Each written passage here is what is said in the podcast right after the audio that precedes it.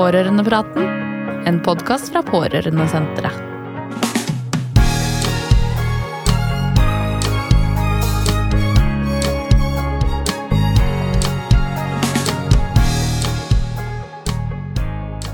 Av og til skjer det forferdelige ting i livet.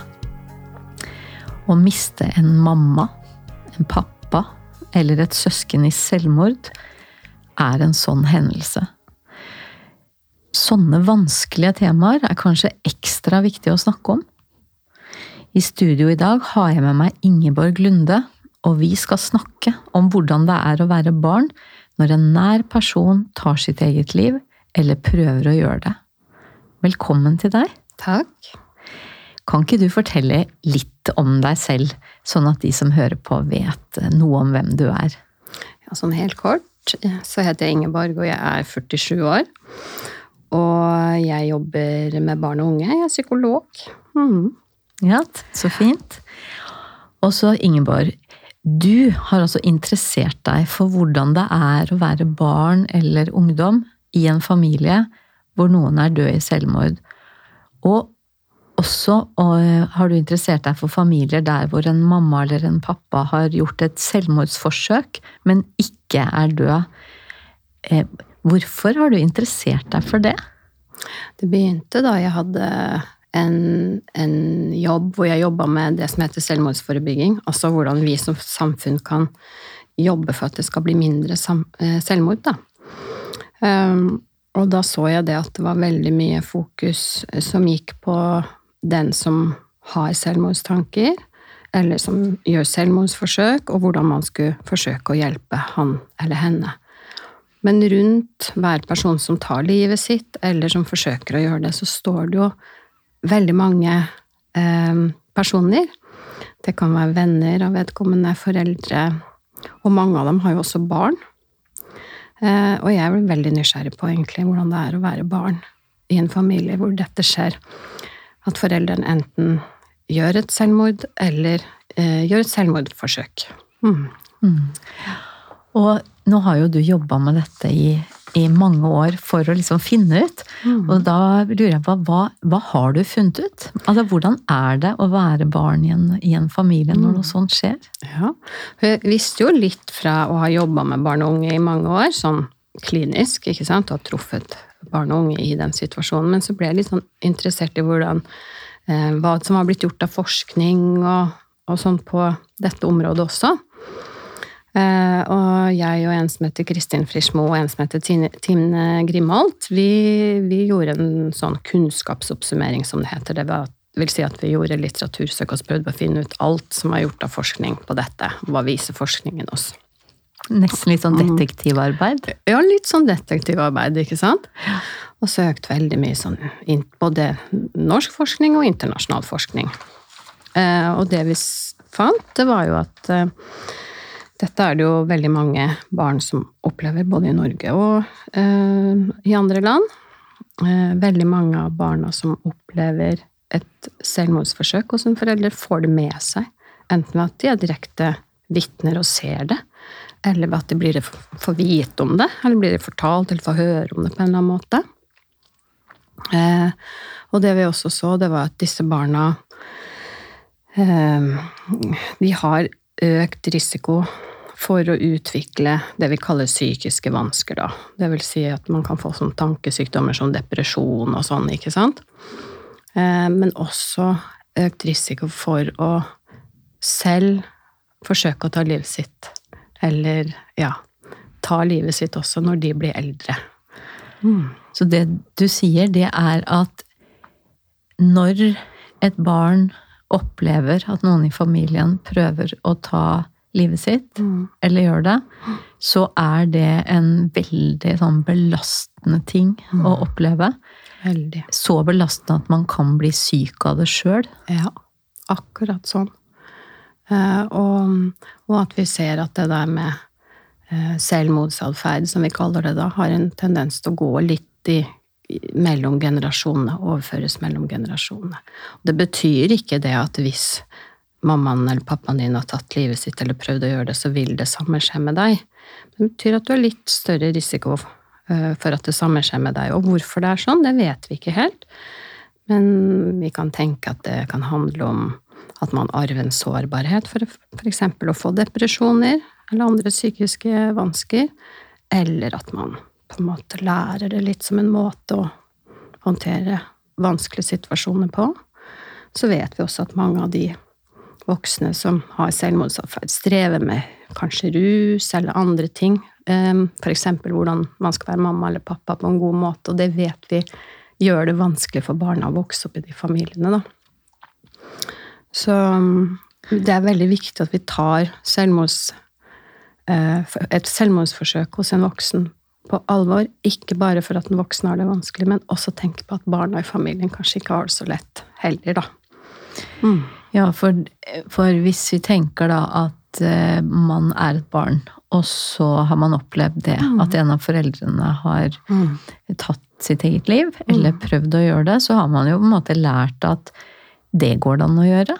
Det er en altså, ut, liksom. Det er en vei ut, mm. og, og, og, det er det jo. Mm. Eh, men da skulle man jo tro at noen andre kanskje kunne være med på å ta ansvaret for at det barnet også kan lære at det er andre måter å finne ut av vanskelige situasjoner i livet på. Akkurat sånn tenkte vi også, ikke sant. Liksom, hva er det som gjør at noen eh, utvikler selvmordsforsøk som en mestring selv når de blir voksne, og andre kanskje ikke gjør det. Det henger sikkert litt sammen med kanskje hvor gammel man var når det skjedde. Det kan vi jo bare spekulere ikke sant? Om det har skjedd mange ganger eller bare én, og om man har fått god hjelp. ikke sant? Så vi ble jo veldig nysgjerrige på hva slags hjelp er det eh, som fins hvilke tiltak, hvilke intervensjoner er det da forska på at kan ha effekt for å hjelpe disse barna? Og det søkte vi også på, da, og da ble vi kjempeskuffa for det. Vi så at det var forska kjempelite på det. Mm. Ja, så det hadde ikke folk vært så nysgjerrige på, da? Nei. Enda det ville jo jeg tenke var det mm. aller, aller viktigste. Ja. Men du har sikkert tenkt eh, sjøl, da, mm. når du har jobba med barn og unge og funnet ut at det ikke er forska så mye på det, så har mm. du sikkert tenkt hva, liksom, hva trenger barn og unge mm. i en familie hvor noen har tatt sitt eget liv, eller prøvd å gjøre det? Det har jeg tenkt veldig mye på, og jeg har jo erfart litt også i jobben min hva jeg tror er viktig.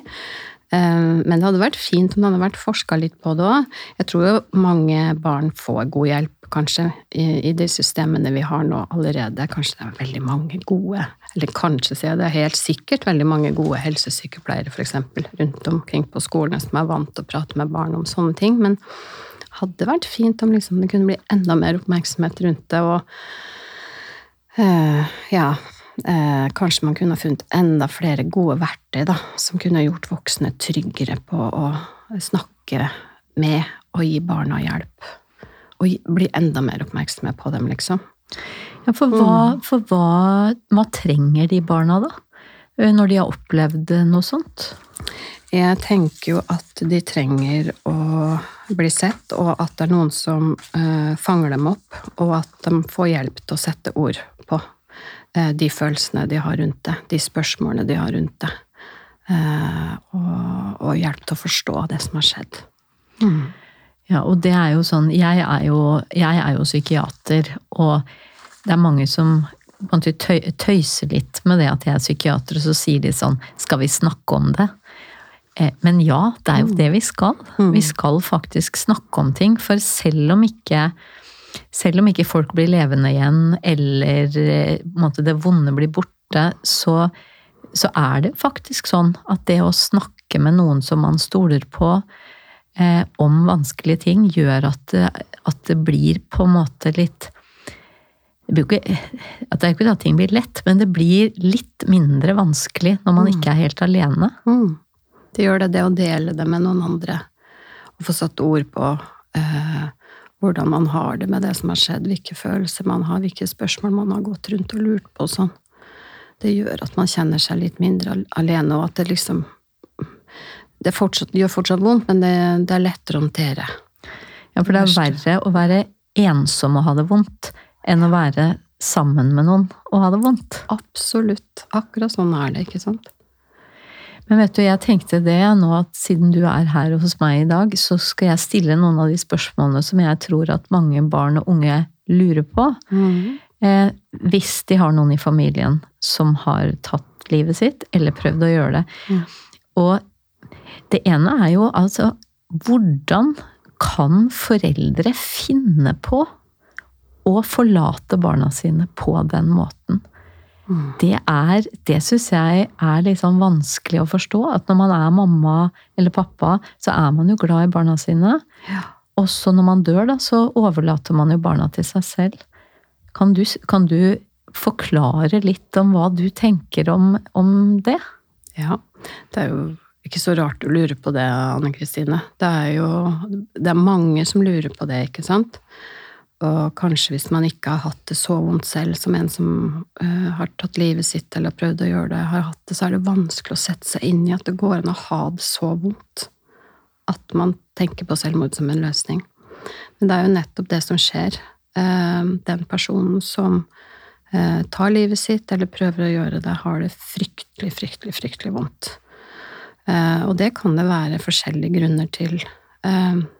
Noen av dem har jo psykiske vansker, eh, sånn som depresjon, for eksempel, som gjør at man eh, føler eh, tristhet, lidelse, liksom mm, veldig sterk lidelse, og at man tenker veldig negativt, og til og med kan tenke at andre har det bedre uten deg.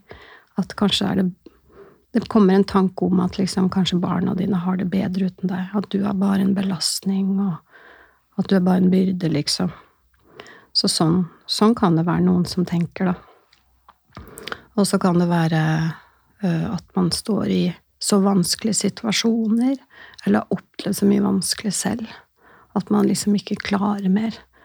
Eh, og det blir litt som å springe maraton, og så liksom aldri komme i mål, liksom.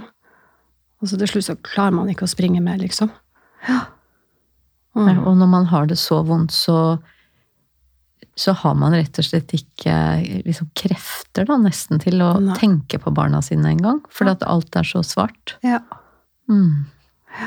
Du kan tenke liksom, hvis du holder på å drukne, så er liksom, du, kan jo, du tenker på barna dine, men det er liksom kjempevanskelig. Ja, for du må Ja. bare egentlig prøve Du klarer nesten ikke å holde deg flytende engang. Nei, ikke sant? Mm. Nei, og, og det tenker jeg jo at det er litt sånn viktig at vi, at vi snakker om, fordi at Mm. noen barn og unge kan jo, kan jo tenke at kanskje det er deres skyld, Mm. eller at det betyr at mammaen eller pappaen ikke var glad i dem. Mm. For, for sånn, sånn er det jo når man er barn, Mm. så, så kan man jo tenke sånne tanker.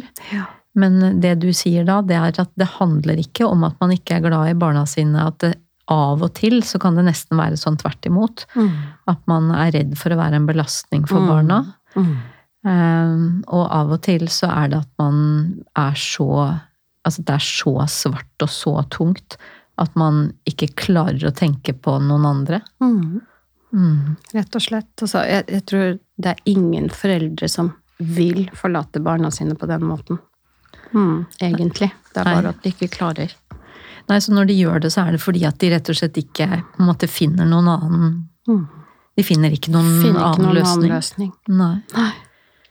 Men eh, et, en annen ting som jeg har lyst til å spørre om, og som er sånn konkret spørsmål, det er at hvis en forelder eh, prøver å ta sitt eget liv, men så overlever forelderen, Mm. og så skal forelderen komme hjem til familien sin etterpå, Mm. Da tenker jeg det må jo være litt vanskelig hvis man er barn da. Sånn vanskelig å stole på den forelderen igjen, og kanskje vanskelig å gå på skolen fordi at hva om mamma eller pappa har prøvd å ta sitt eget liv? Det kom hjem fra skolen i dag. Altså leve med en sånn usikkerhet. Mm. Har du snakka med barn og ungdommer om det? Absolutt. Og mm, det er nok litt sånn som du sier, at mange opplever det. De ikke helt klarer å slappe av etterpå og stole på foreldrene. Og det er når, når man har opplevd at mammaen eller pappaen forsøker å forlate deg på den måten, så, så gjør jo det noe med tilliten. Og, mange føler at de må passe på foreldrene sine etterpå og ta ansvar for det. og føler at de må være veldig flinke, snille, stille og rolige, alt sånn, for å liksom Ja, at det ikke skal skje igjen, da. Mm, og At de det- tenker at det er deres ansvar nesten da, å holde Mhm. foreldrene i live. Mm. En jente jeg har hørt om, for eksempel, hun la alltid igjen sånn skolebøker hjemme når hun gikk på skolen, eller veldig ofte i hvert fall, og så da hadde hun liksom unnskyldning for å komme hjem midt på dagen og si at hun hadde og hun skulle bare innom og hente en bok hun hadde glemt, for da kunne hun liksom sjekke at mammaen hadde det greit. Det høres jo veldig sånn omtenksomt ut, men det Mm. høres jo også litt slitsomt ut, for da kan jo ikke hun jenta liksom konsentrere seg om sitt eget liv og skolen og venner og sånn, da, når hun hele tida går og bekymrer seg for mammaen Mm. sin. Det er akkurat sånn det er, ikke sant? At det går på bekostning av å, av å gjøre vanlige ting som barn og unge gjør, som å leke, være med venner, få seg kjæreste. Eh, kan bli vanskelig å konsentrere seg om skolearbeid. Og man gjør det kanskje, man gjør alle de tingene, men det er hele tiden sånn at man tenker på mammaen eller pappaen samtidig. Men er det noe, eh, enten da foreldrene sjøl, eller kanskje de som Altså, hvis noen har tatt sitt eget liv, da, så har de Mm. kanskje vært på sykehuset en kort stund, eller, eller kanskje innlagt lengre òg. Men er det liksom noen, de som da skal hjelpe familien, er det noe de kan gjøre for at ikke det skal være så slitsomt for det barnet? Jeg tenker jo at det er fint om det barnet får noen å snakke med. Eh, ikke bare om liksom det som skjedde, men hvordan det er å være han eller henne litt sånn framover også. Og det beste er jo hvis familiene kan prate sammen, men det er jo ikke alltid det går. Hvis foreldrene er veldig dårlige, f.eks. veldig syk. Da kan jo kanskje eh, barnet få lov å prate med helsesøster eller en lærer eller en besteforelder eller en, eller annen som han eller hun er trygg på, som på en måte blir litt sånn guardian, da, hvis vi skal bruke engelske ord. En som passer litt på. Hvordan går det med deg, liksom? Sånn at man ikke går helt alene.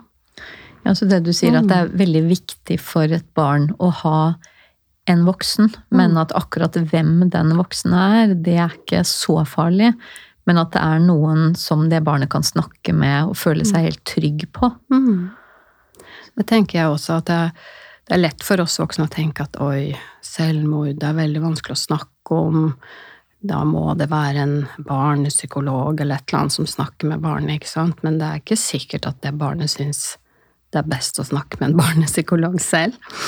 Eller å dra til BUP, eller sånne ting. Det viktigste er vel kanskje å snakke med noen som ikke syns det er så vanskelig å snakke om det. For hvis voksne syns det er vanskelig å snakke om selvmord, hvordan skal barn klare å snakke om det da? Ja. Så da er det kanskje ikke så farlig hva slags eh, utdanning man har, men at man er en voksen som tør å snakke med barn. Det syns jeg er helt riktig oppsummert. Det er ikke så farlig hvem man er. Det kan være læreren din, for eksempel. Hvis du har et kjempegodt forhold til læreren din, føler deg trygg på læreren din. Det kan være fotballtreneren eller speiderlederen eller Eller en nabo, eller mammaen til en venn, eller Ja, for det kan jo hende at hvis man er med noen hjem og sånn, at det er noen foreldre i, i det huset som det går an å, å snakke med. Mhm. Men hva andre ting? Nå har vi snakka om det der at det er vanskelig å forstå at noen tar sitt eget liv, og så har vi snakka litt om det at det kan være vanskelig å slappe av. At, -hmm. at man ikke helt eh, stoler på den voksne, eller kanskje må passe på. Men hva slags andre tanker og følelser eh, har barn, da? Hvis de opplever at noen tar livet sitt, eller har gjort forsøk på det? Ja, nå snakka vi jo litt om de barna som blir litt sånn flinke i gåsehudene, da, og som liksom går rundt og passer på og tar hensyn og sånn, men det er jo en del som blir ganske sinte også, og i opposisjon, og syns det var skikkelig dårlig gjort, og at den personen som har tatt livet sitt, eller forsøkt å gjøre det, er veldig egoistisk og bare tenker på seg selv, og ja. Eh, Det er også en ganske vanlig følelse. Det er ikke så rart at man kan bli sint heller. Jeg syns det høres ganske, egentlig ganske normalt ut, ja, å bli sint på noen som har liksom gjort noe mot deg. For det er jo ikke til å komme bort ifra det at eh, et barn vil jo oppleve det. At foreldrene gjør det faktisk mot barnet sitt. Ja. Og du kan føle deg veldig avvist, ikke sant? Det er liksom ikke bare verdt å leve for å Ja, at foreldrene drar fra deg. Ikke sant? Det er ganske vondt, da. Ja. Men, det, men når du sier det, så tenker jeg at det er nok kanskje litt sånn lettere å være lei seg. For det er en slags mm. Hva skal vi si? En slags sånn snill følelse. Altså Mm. det å være trist. Men hvis man blir sint på Mm. noen som har det vondt, Mm. da tenker jeg at man fort kan få liksom dårlig samvittighet, og så Mm. kan man kanskje skamme seg litt over at man blir så sint på noen Mm. som kanskje er syk, eller at ja, hvis man hadde liksom syntes synd på den personen, så hadde det vært liksom lettere enn å være sint. Mm. Du følte deg litt snillere og mer empatisk, liksom. Mm. Ja, for hvis du er sint på ja. noen som er syk, Mm. da er det kanskje lett å tenke at jeg er ikke Mm. snill, eller Mm. Mhm. Så, så det er en litt mer komplisert følelse. Jeg snakka jo med en voksen som hadde opplevd at mammaen hennes hadde prøvd å ta livet sitt mange ganger da hun var liten. Og hun fortalte meg det at hun hadde til og med til slutt så var hun så lei at mammaen liksom, For mammaen hennes kunne snakke om det ganske mye òg. At hun ikke orka å leve mer og nesten true med å ta livet sitt, ikke sant. Og til slutt så hadde denne jenta liksom sagt at ja, men så gjør det, da. Ja. Ja. Og liksom ønska egentlig det òg. At kunne ikke bare ta livet sitt, så var vi ferdig med det, liksom. Og det er litt mer sånn tabu. Eller litt vanskeligere følelse å ha, men også veldig forståelig, syns jeg, da. Det er veldig forståelig, og jeg Mm. tenker jo det at på samme måte som mange som, måte mange som tenker på det å, å ta sitt eget liv, at det de kanskje egentlig ønsker, er jo at det vonde skal ta slutt. Eller at det skal bli en forandring på livet sånn som det er. Ja. Fordi at det ikke er bra. Mm. Og da vil det jo bli det samme. Det er jo det samme den jenta sier. Mm. At ta livet ditt, da. Det hun egentlig sier er vi må få slutt på den forferdelige situasjonen vi er i nå. Akkurat. Ja. Prøver å formidle det at dette orker jeg ikke mer, på en måte. Dette er for tungt. Ja, og jeg tenker jo at det er jo for tungt Mm. for et barn å, å leve sånn som den jenta du forteller om, men så er det ikke så lett å, å vite hva man skal gjøre, da. Nei. For å få til en forandring. Det er ikke det, og så er det en følelse vi ikke har snakka så mye om ennå, det er jo det med skam. Og du nevnte det med skyld, men det er liksom det der at det er sånn, kan føles litt flaut å snakke om det, eller å si det til noen andre og sånn òg. Det kan henge sammen med at de voksne syns det er veldig eh, flaut og liksom vanskelig å snakke om. Men det er jo fortsatt litt sånn i samfunnet vårt at det med selvmord liksom er litt sånn åh, det er nesten for fælt å snakke om, liksom. Så, så når, når voksne rundt har den holdningen, så da blir det ikke så lett å være barn i det. Mm. Det blir det ikke. Og vet du det du sier der, det minner meg om en ting, og det er at barn er jo faktisk nødt til å få vite at eh, en forelder, for eksempel, da, Mm. Har dødd i selvmord. Ja. Eh, For en som jeg kjenner, da han var jeg tror han var kanskje åtte år, Mm. så sa de voksne i hans familie at eh, pappaen hans eh, hadde fått hjertestans, Ja. eh, selv om det var selvmord. Og så gikk det kanskje ti år, Mm. og så fikk han jo vite det, for at det er sånne ting, vet du, det går jo ikke an å holde sånne ting hemmelig i all evighet. Mm. Så lenge etterpå så fikk han vite at det var selvmord, og det som skjedde da for han, det var at han han følte at han måtte sørge på nytt.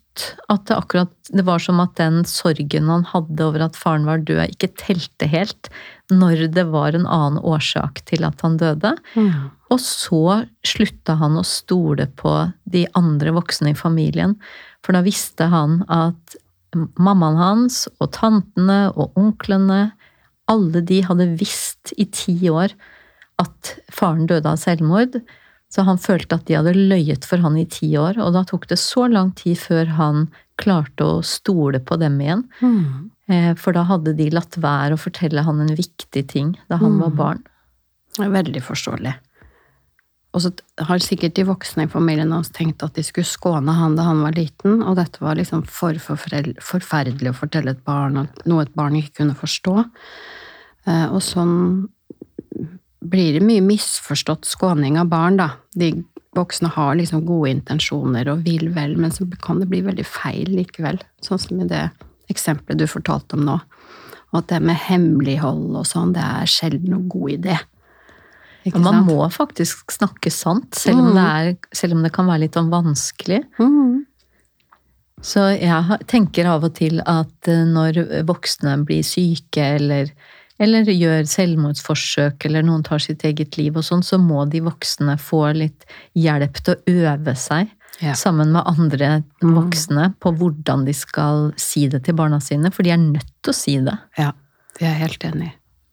Og det kan være veldig vanskelig for foreldrene å gjøre selv. Kanskje klarer ektefelle eller partner det, eller noen andre i familien. Og hvis man ikke klarer det som privatpersoner, så går det an å få hjelp til å snakke med barna. Mange forskjellige steder, ikke sant? På, hos fastlegen, eller hos helsesykepleier, eller på familievernkontor. Ja, Mm. og så Pårørendesenter fins jo. Ja, det mm. fins faktisk mange steder hvor, Mhm. eh, hvor voksne kan få hjelp, for det er jo voksne som har ansvaret for barn. Mm. Eh, Men så er det jo også sånn til de barna som hører på, da, at hvis det er litt sånn vanskelig å skjønne helt hva som skjer, og hva man skal si til de voksne og sånn, så går det jo an å både chatte og snakke på sånne hjelpetelefoner og, Mm. og sånn, og da kan man jo være anonym Mm. og liksom la være å si navnet sitt hvis man ikke har lyst til å begynne med.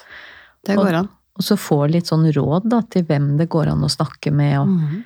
og hvordan man skal gjøre det. Mm. Det fins jo chattetjenester både for barn og unge, og voksne. Voksne kan jo også chatte på nett. Ja.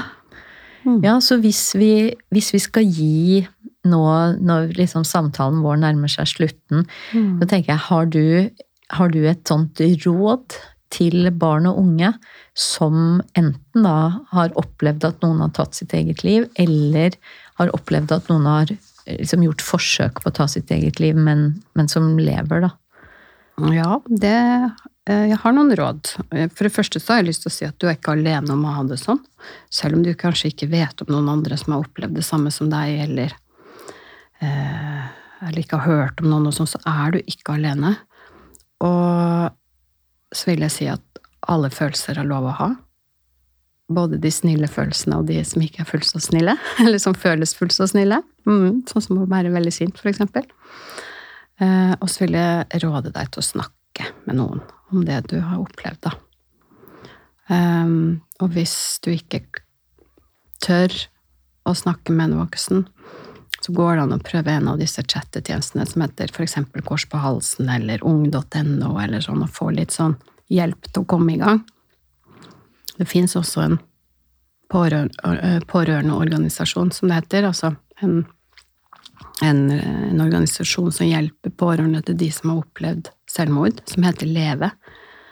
Og hvis du går inn på leve.no, så kan du få eh, råd og hjelp av dem også. Du kan treffe og snakke med andre som har opplevd akkurat det samme som deg. Mm. Mm. Så ikke sitte alene med det. Det er et, et fint råd. Ikke sitt alene med det. Og så Det siste jeg vil be deg om, Ingeborg, det er å si et råd hvis det er noen foreldre som hører på nå. Mhm. Eh, hva skal foreldre gjøre? Ja. Jeg vil si at eh, barn får ofte med seg mer enn du tror. Eh, og skam og skyld gjør det jo ofte vanskelig å snakke med barna. Men det er ingen god idé eh, å begynne å vente til ungene spør selv, eller å skåne barna. Eh, det viser jo det eksempelet du trakk fram i stad, veldig tydelig, ikke sant? Eh, Så prøv å snakke med barna. Hvis du ikke klarer det selv, prøv å få hjelp til å snakke med barna. Og går du i behandling selv, og du føler at du strever med dette her med hvordan du skal si det til barna dine, eller at du har dårlig samvittighet for hvordan det kan ha påvirka barna og sånn, så prøv å ha mot til å ta det opp med behandleren din. Behandleren din burde jo ta det opp med deg, men hvis vedkommende ikke gjør det, så prøv å gjøre det selv. Mm. Det er mulig å snakke om det med litt hjelp. På en måte som ikke overvelder for mye, da. Mm. Ta det litt sånn pø om pø og forsiktig. Mm. Så oppsummert, rådet fra Ingeborg til dere som hører på i dag, det er snakk om det. Mhm. Så jeg har lyst til å tipse om en veldig bra artikkel som ligger på nett, som Magne Raundalen har skrevet, som heter 'Hva skal vi si til barn om selvmord?' Og den er fin å lese for foreldre. Eller andre voksne. Mm. Og så syns jeg at det er et kjempegodt eksempel i vår egen kongefamilie. For de var jo veldig eh, åpne etter at Ari Behn tok livet sitt, og snakka om det. Ja, og det er Mhm. fint, for det viser til dere at, som vi hører på nå, at eh, selvmord, det kan skje Det skjer eh, ofte, men ikke Det skjer jo ikke hele tida eh, med alle, men det kan skje. Mm. Og det er ingen som måte er vaksinert mot det, selv om man er i kongefamilien. Absolutt ikke. Eh, men også i kongefamilien trenger man å snakke om det. Mm. Og vi trenger alle sammen å slippe å være alene med de tunge tankene våre. Mm. Og da sier jeg tusen takk til deg, Ingeborg, for at du ville komme og snakke med meg i dag om et så viktig tema. Og tusen takk for at jeg fikk komme. Du har hørt Pårørendepraten, en podkast fra Pårørendesenteret. Du finner flere episoder og ressurser på hjemmesidene våre pårørendesenteret.no, pårørendeprogrammet.no og ungepårørende.no. Podkasten finner du også på de fleste steder der du lytter til podkaster.